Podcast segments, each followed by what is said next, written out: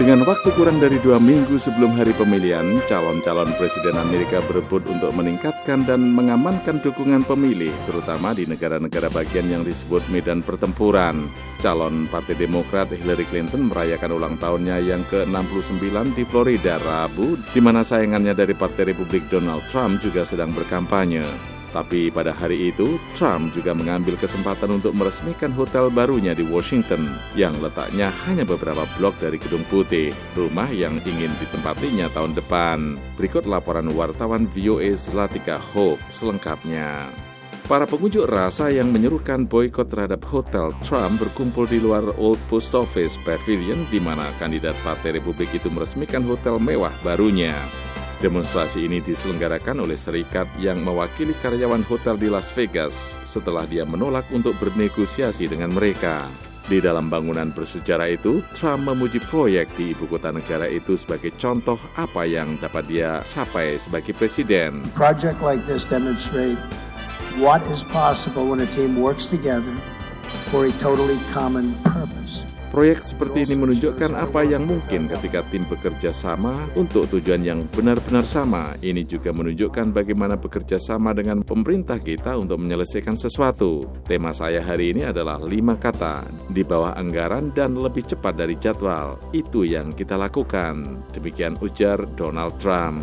Dia juga menangkis para pengecam yang mengeluh tentang waktu yang dia habiskan di luar kampanye. I built one of the great hotels of the world. What am I supposed to do? Not show up? I'm taking one hour off. I'm going to North Carolina. Saya membangun salah satu hotel megah di dunia. Apa yang harus saya lakukan? Tidak muncul, saya mengambil jeda satu jam. Saya akan terbang ke North Carolina setelah ini, kemudian saya akan kembali ke Florida. Saya akan terbang ke New Hampshire, saya ke semua tempat. Demikian tambahnya. Dalam upaya terakhir untuk mengejar ketinggalan dari Hillary Clinton dalam jajak pendapat, Trump berpidato mengenai berbagai kelompok, termasuk warga negara ganda Amerika Israel. My administration will stand side by side with the Jewish people and Israel's leaders. Pemerintahan saya akan berdiri berdampingan dengan orang-orang Yahudi dan para pemimpin Israel untuk terus memperkuat jembatan yang menghubungkan tidak hanya Yahudi Amerika dan Israel, tetapi juga semua orang Amerika dan Israel. Demikian ujar Donald Trump. Hillary Clinton juga berfokus pada negara-negara bagian yang disebut medan pertempuran. Every vote counts. Just ask my friend, former Vice President Al Gore. And Lake Setiap suara berarti.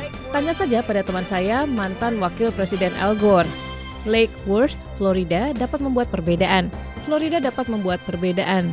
Dan jika orang-orang pergi memilih, kita akan meraih kemenangan pada tanggal 8 November. Putri Clinton, Chelsea, berkampanye untuknya di Ohio, di mana Trump masih memimpin dalam jajak pendapat. We have to turn Ohio blue up and down the ballot, and I know Kita harus mengubah Ohio menjadi biru atau demokrat untuk pilihan dari atas sampai ke bawah surat suara dan saya tahu kita akan melakukannya dengan dukungan Anda. Clinton tampaknya tidak kekurangan pendukung di California, di mana plakat bintang Trump di Hollywood Walk of Fame dirusak dengan palu besar menjelang subuh hari Rabu. Seorang tersangka telah ditangkap hari itu dan kerusakan tersebut segera diperbaiki.